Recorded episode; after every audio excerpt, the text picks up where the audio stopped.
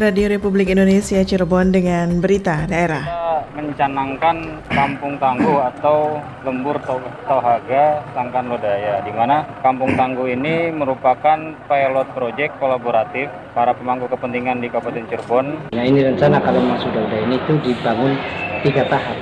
Syukur-syukur tinggal sekarang satu aja. Kalau sekarang ketep penetapan tanlok sudah, udah tinggal melangkah.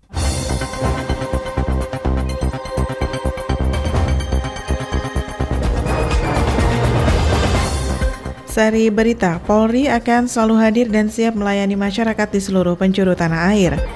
Pemerintah Kabupaten Cirebon berencana membangun Islamic Center di Kelurahan Pejambon, Kecamatan Sumber.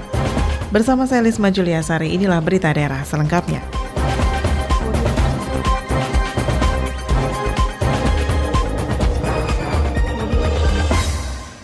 Polri akan selalu siap dan hadir untuk melayani masyarakat di seluruh penjuru tanah air. Selengkapnya disampaikan Aji Satria. Berbagai upaya dilakukan untuk memperingati dan merayakan HUT Bayangkara ke-74 di tahun 2020 dengan semangat menggelar berbagai kegiatan digalakan oleh Polresta Cirebon dengan sebaik mungkin. Kepada RRI Kapolresta Cirebon Kombes Pol M. Syadudi mengatakan semangat HUT Bayangkara ke-74 tahun adalah wujud nyata dari hadirnya Polri untuk masyarakat di seluruh penjuru tanah air termasuk di Kabupaten Cirebon. Menurut Kombes Pol M. Syadudi, salah satu upaya maksimal dalam mewujudkan hal itu adalah dengan mem membuat kampung tangguh di wilayah Plumbon, Kabupaten Cirebon untuk bisa memberikan hadir kebersamaan Polri bagi masyarakat dan juga bisa membuat masyarakat lebih mandiri dan hidup bersih serta sehat. Kita mencanangkan kampung tangguh atau lembur Tohaga Sangkan Lodaya, di mana kampung tangguh ini merupakan pilot project kolaboratif para pemangku kepentingan di Kabupaten Cirebon yang kita tentukan di suatu desa untuk menangani pandemi COVID-19. Jadi konsepnya adalah bagaimana suatu desa uh, dititik beratkan kepada uh, peran serta aktif masyarakat baik personal maupun kelompok di dalam menangani pandemi COVID-19. Ada tiga aksi kegiatan yang akan kita lakukan, yaitu aksi terkait dengan bidang kesehatan, dengan mendirikan posko kesehatan, kemudian uh, melakukan kegiatan-kegiatan penanganan protokol kesehatan, penerapan perilaku hidup bersih dan sehat (PHBS) dengan menyiapkan sarana cuci tangan, kemudian apa himbauan sosialisasi menggunakan masker dan juga e, mencegah terjadinya e, kerumunan atau physical distancing. Kemudian juga kaitan dengan kegiatan ataupun aksi sosial ekonomi. Bagaimana kita bisa me mengaktifkan peran serta masyarakat di dalam menghidupkan kembali usaha mikro kecil yang menengah yang memang sangat terdampak dengan adanya pandemi COVID-19 ini. Termasuk kegiatan-kegiatan kolaborasi masyarakat di dalam mengaktifkan ekonomi masyarakat di pedesaan. Kemudian juga aktivitas kegiatan keamanan. Bagaimana kita bisa menata sistem pengamanan lingkungan di tiap-tiap desa dengan adanya pandemi COVID-19 sehingga masyarakat tetap merasa aman terlindungi uh, baik dari aspek gangguan kamtipmas maupun dari uh, penyebaran ataupun bahaya COVID-19. Sehingga intinya adalah bagaimana masyarakat pada nantinya nanti memiliki suatu kemampuan dan kemandirian di dalam mengelola desanya dari bahaya ataupun uh, pandemi COVID-19 ini. Tujuan akhirnya adalah bagaimana kita bisa memutus rantai penyebaran COVID-19 di wilayah Desa Pesanggerahan ini sehingga memunculkan kembali semangat kebersamaan, membangkitkan kesadaran masyarakat untuk lebih waspada dan berhati-hati terhadap uh, penyebaran COVID-19 di Desa Pesanggerahan. Selain itu juga banyak kegiatan yang telah dilakukan oleh Polresta Cirebon dalam memeriahkan HUT Bayangkara ke-74 tahun, mulai dari donor darah, baksos, pembagian sembako, dan lain sebagainya yang sangat bermanfaat. Aji Satria melaporkan. Pendengar berikut komentar masyarakat mengenai kinerja kepolisian yang berhasil dihimpun RRI. Menanggapi kinerja kepolisian saat ini sudah cukup baik dalam memberantas kejahatan maupun memberantas mm, bahaya narkoba.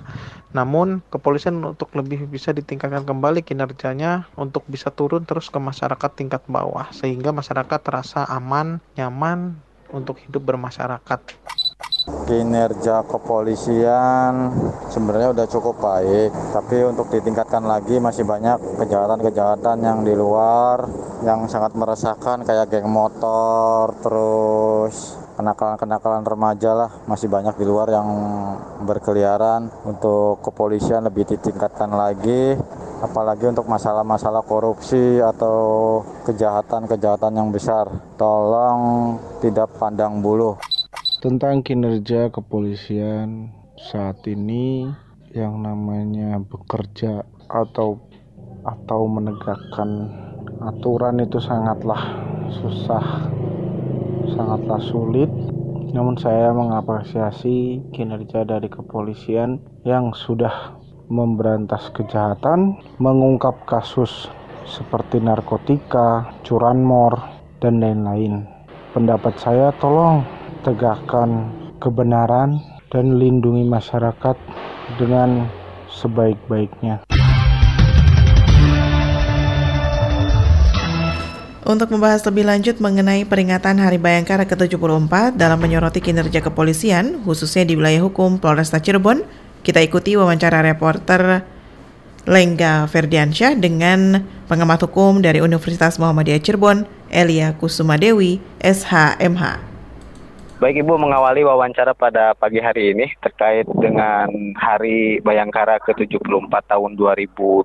Mungkin Ibu bisa menyoroti bagaimana dengan kinerja kepolisian pada saat ini Bu. Terima kasih. Selamat Hari Bayangkara. Nah terkait dengan kinerja polisi, polisi ini kan sebagai institusi yang bertugas untuk melayani, mengayomi dan melindungi masyarakat luas. Ya. Uh, sehingga diperlukan tugas Kamtipmas itu yang dikedepankan sehingga proses-proses atau tugas untuk pencegahan preventif dan memperkuat pelayanannya ini sehingga nanti bisa menurunkan tingkat kejahatan. Nah, ini ada satu yang mungkin sebagai semoga saja masukan begitu kan untuk kepolisian. Ini terkait dengan mungkin reskrim di mana masyarakat ini masih ada yang menganggap beberapa yang menganggap ketika proses di reskrim itu lama. Ya. Memang saya paham produk itu melalui prosedur, ada prosedurnya kan seperti itu. Nah ini yang diperlukan mungkin terobosan-terobosan bagaimana yang ini contoh-contoh kasus begini. Ya. Contoh kasus ini kebetulan ada perkara juga anak seorang anak di bawah umur diperkosa kan begitu. Ketika diperkosa lapor, nah ini kan polisi pun untuk mengambil orang yang memperkosa kan bu, harus ada proses kan begitu. Yeah. Polisi juga tidak tidak bisa semena-mena nanti bisa pra peradilan dan lain sebagainya. Nah ini yang perlu terobosan-terobosan ini ketika polisi melalui proses ini kok lama ya prosesnya kan seperti itu sedangkan di sini di korban sudah kekhawatiran karena takut sekali dengan pelaku apalagi nanti pelaku mengancam dan lain sebagainya. Nah di sini mungkin yang diperlukan dipikirkan kembali bagaimana agar hal-hal semacam ini kemudian tidak membuat akhirnya masyarakat mana ini tugas polisi sebagai institusi yang mengayomi masyarakat. Nah, itu mungkin yang perlu nanti cari terobosan-terobosan harus bagaimana, proses harus dilalui, tetapi ini juga harus tepat karena faktanya itu di lapangan masih terjadi. Nah, mungkin saya lebih menyorotinya itu karena kebetulan saya konsen di perlindungan anak perempuan dan anak. Ya, baik. Ini menunjukkan bahwa memang kinerja kepolisian khususnya untuk di wilayah Cirebon belum maksimal mungkin Bu? Kalau terkait maksimal dan tidak, saya tidak bisa berkomentar banyak karena saya tidak begitu memahami sejauh mana kinerjanya. Hmm. Hanya saja ketika di lapangan ada case-case yang seperti ini kan seperti itu yang saya harap. Ini kebetulan apa namanya yang kemudian masuk ke ke tim kami terkait dengan korban-korban. Ini sudah ketakutan kok itu belum diapa-apakan harus bagaimana kan begitu. Nah ini yang perlu mungkin masukan-masukan mencari terobosan hukum polisi aman tetapi juga kemudian ini bisa terselesaikan. Kan ya. itu mungkin untuk secara keseluruhan Bu kinerja kepolisian kita ketahui bahwa di wilayah Cirebon baik itu kejahatan gesekan-gesekan antar kelompok masyarakat ini cenderung masih tetap ada. Apakah memang kurang sosialisasi atau bagaimana, Bu? Ini logikanya ketika ternyata gesekan-gesekan di masyarakat ini masih tinggi, hmm. berarti kan tugas-tugas dari Kamtipmas yang harus dikedepankan itu berarti kan masih kurang maksimal kan begitu. Kan ya. logikanya yeah. menjadi seperti itu. Jadi apakah ini kemudian dengan jumlah masyarakat sekian, kepolisiannya berapa, nah itu kan juga harus diperhatikan juga seharusnya kan begitu. Perbandingannya itu nanti bisa seimbang. Jika ya. masyarakat banyak, polisinya misalnya cuma satu dua itu kan juga akan kesulitan. Nah ini punya akhirnya tidak bisa menjadi maksimal untuk tugas-tugas preventif pihak kepolisian. Bu, mungkin untuk tindak kriminalitas di wilayah Cirebon ini memang sejauh ini memang masih cenderung cukup tinggi dan adanya pandemi COVID-19 pun memang untuk uh, tindak kejahatan sedikit agak berkurang. Mungkin apa yang harus dilakukan ke depan pihak kepolisian agar terus bisa menekan eh, tindak-tindak kriminalitas di wilayah Cirebon ini, Bu? ini sebenarnya tidak bisa kemudian dibebankan penuh kepada kepolisian. Ini sebenarnya juga harus menjadi tugas bersama termasuk kepolisian juga tentunya kan begitu. Ini tugas yang harus uh, pencegahan baik itu penyuluhan di, lebih lebih dimaksimalkan terkait dengan pencegahan pencegahan hmm. turun ke masyarakat masyarakat kamtipmasnya ini ya benar-benar harus dimaksimalkan dengan bekerja sama dengan pihak-pihak yang terkait. Ya. Saya rasa itu yang perlu nantinya lebih diperdebatkan untuk mencegah kejahatan. Hmm. Artinya pihak kepolisian harus bersinergi dengan masyarakat itu sendiri ya Bu?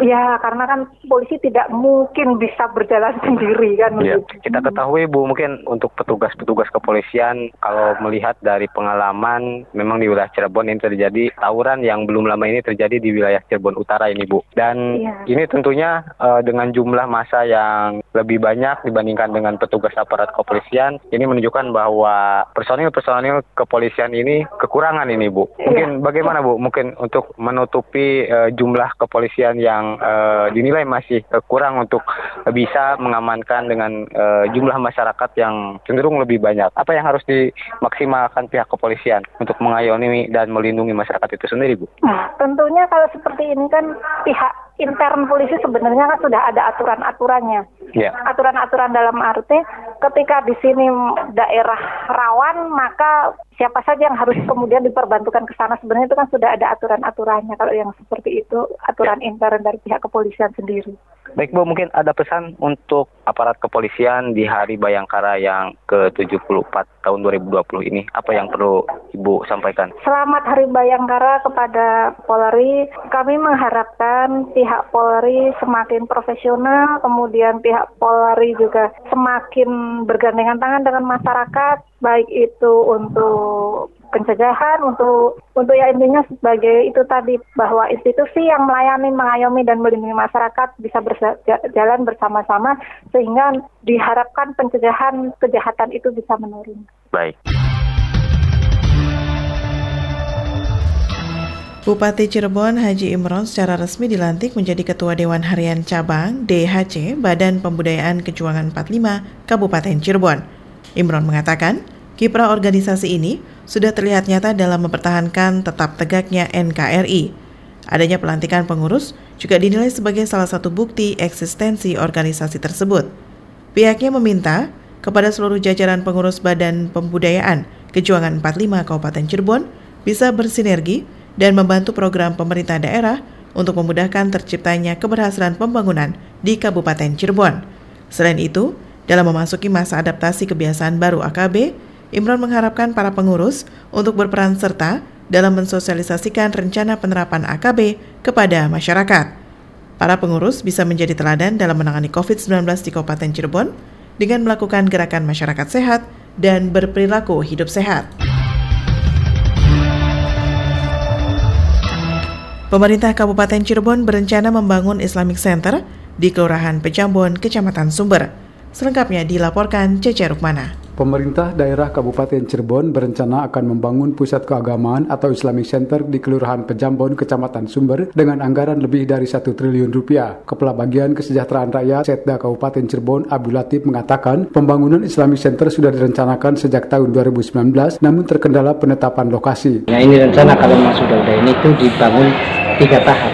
Syukur-syukur tinggal sekarang satu aja. Kalau sekarang ketep penetapan tanlak sudah, udah tinggal melangkah kalau pondok itu kalau dari belum dapat DPP KP ya? Kewenangan ke sana kewenangan itu kalau anggaran yang saya dengar dari konsultan itu kurang lebih 1, sekian triliun lah dan itu semua itu akan mencari sumber dana lain. Jadi kalau dari konsultan mungkin hanya ini. Yang penting satu ada tanah. Yang kedua ketersediaan air pada saat pembangunan. Ini itu aja. Kemudian nanti mungkin dan sebagainya. Pokoknya mudah-mudahan bisa bisa tinggal bagaimana loknya aja. Abdul Latif menjelaskan dipilihnya Kelurahan Pejambon sebagai lokasi Islamic Center karena berdekatan dengan spot center Watu Belah dan terdapat tanah milik Pemda. Selain akan digunakan untuk pemberangkatan jemaah haji, nantinya Islamic Center juga akan digunakan sebagai pusat keagamaan di Kabupaten Cirebon. Pembangunan pusat kegiatan keagamaan tersebut memerlukan lahan 13 hektar, sedangkan lahan yang dimiliki Pemda di lokasi tersebut hanya 8,4 hektar. Cecer Mana melaporkan. Wali Kota Cirebon, Nasruddin Aziz akan memfasilitasi antara Raden Raharjo Jali dan Sultan Sepuh 14 Keraton Kesepuan Pangeran Raja Adipati Arif Nata Diningrat. Menurut wali kota, selaku kepala daerah memiliki kewajiban untuk menjaga kelestarian keraton yang ada di Cirebon. Pemerintah kota Cirebon tidak memiliki kewenangan untuk ikut campur terhadap urusan internal keraton, namun pemerintah berwenang menjaga cagar budaya. Pihaknya juga berusaha untuk menjembatani pertemuan, tidak ikut bermusyawarah tentang masalah yang saat ini terjadi di Keraton Kesepuan. Sementara itu, kisruh perebutan kekuasaan di Kesultanan Kesepuan Cirebon mencuat setelah Raharjo memposting videonya saat menggembok ruangan dalam arum keraton Kesepuan. Selain itu, Raharjo juga menyatakan kekuasaan Kesultanan Kesepuan Cirebon yang saat ini dijabat Sultan Sepuh 14 Pangeran Raja Adipati Arif Nata Diningrat diambil alih keluarganya. Raharjo merupakan cucu dari istri kedua Sultan Sepuh 11, Jamaluddin Aluda Tajul Arifin. Raharjo juga menunjuk cucu dari istri pertama Sultan Sepuh 11, Elang Mas Upi Supriyadi, untuk menggantikan Sultan Sepuh 14, Pangeran Raja Adipati Arif Nata Diningrat. Sementara Sultan Sepuh 14, Pangeran Raja Adipati Arif Nata Diningrat merespon tindakan Raden Raharjo dengan melalui langkah hukum. Selama pandemi COVID-19, jumlah ibu hamil di Kabupaten Cirebon bisa dikendalikan melalui program keluarga berencana.